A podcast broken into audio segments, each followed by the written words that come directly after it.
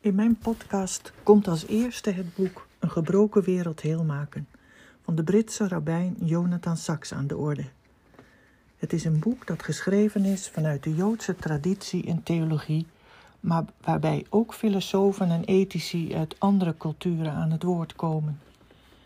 Thema's en onderwerpen worden dus van veel kanten belicht. Sachs gaat ervan uit dat de mens niet zomaar op aarde is, maar dat we hier zijn om het verschil te maken. Al direct in het eerste Bijbelverhaal, in Genesis, vraagt God aan ons: Mens, waar ben je? Het is een oproep tot verantwoordelijkheid. Ieder mens kan door individuele daden de breuken der wereld herstellen. Het is van groot belang, vindt Sachs, dat wij die verantwoordelijkheid op ons nemen. Ik geef in de podcast geen samenvatting van het gelezene, maar ga alleen in op vragen en opmerkingen van mijn dochter over dit boek van Sachs. Zij leest en bespreekt het samen met anderen in een leesclub van de doopsgezinde gemeente. Ik ben al een aantal jaren emeritus predikant van de Protestantse Kerk Nederland en heb grote interesse in de theologie van het Jodendom. Ik heb het boek vorig jaar gelezen en vind het waardevol om haar mening te horen over dit boek.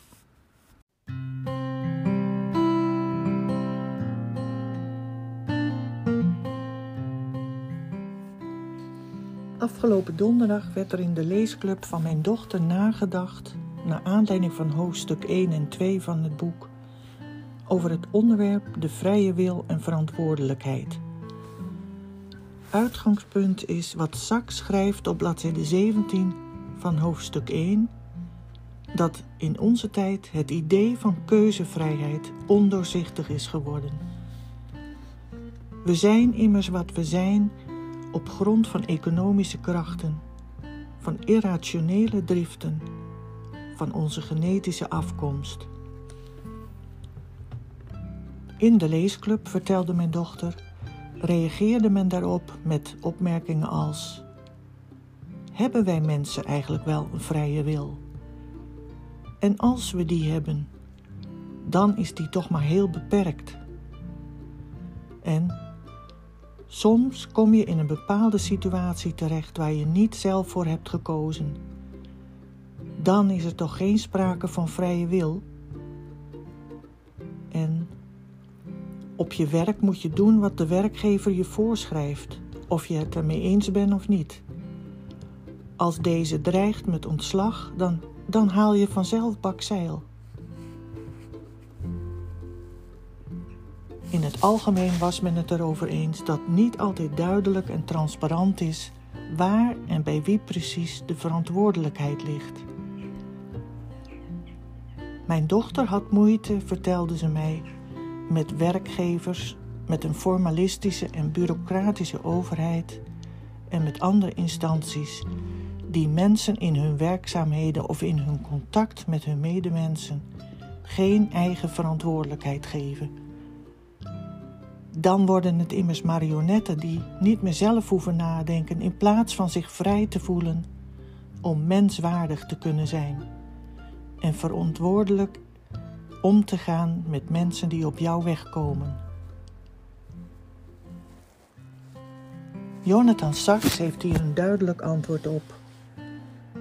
Hij zegt te weten wat God van ons mensen vraagt. Maar hoe kan hij dat weten? Het antwoord is volgens mij dat hij dit weet dankzij de verhalen in de Hebreeuwse Bijbel, door christenen het Eerste of Oude Testament genoemd.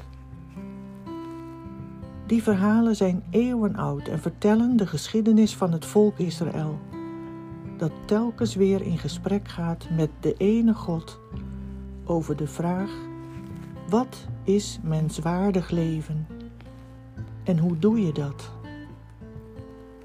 Al in het eerste hoofdstuk van het eerste Bijbelboek Genesis wordt verteld dat een vrije God de mens schept naar zijn evenbeeld. Dus een vrije mens schept. Een mens met een vrije wil. En God vraagt van die mens niets anders dan goed te doen, om daarvoor verantwoordelijkheid te dragen. Maar dit wordt niet dwingend opgelegd. De mens krijgt de vrijheid om nee te zeggen. Hij krijgt de vrijheid om te kiezen. Volgens Sachs worden we dus als mens geboren met een vrije wil.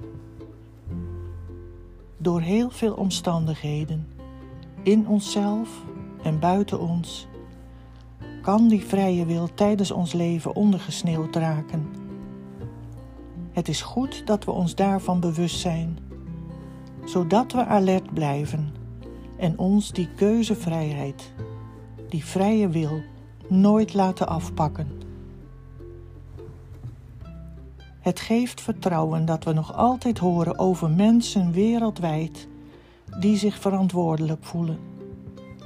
Zoals de klokkenluiders, die werkend in bedrijven, bij de overheid, bij instanties, misstanden aan de kaak durven stellen, vaak ten koste van hun baan of positie.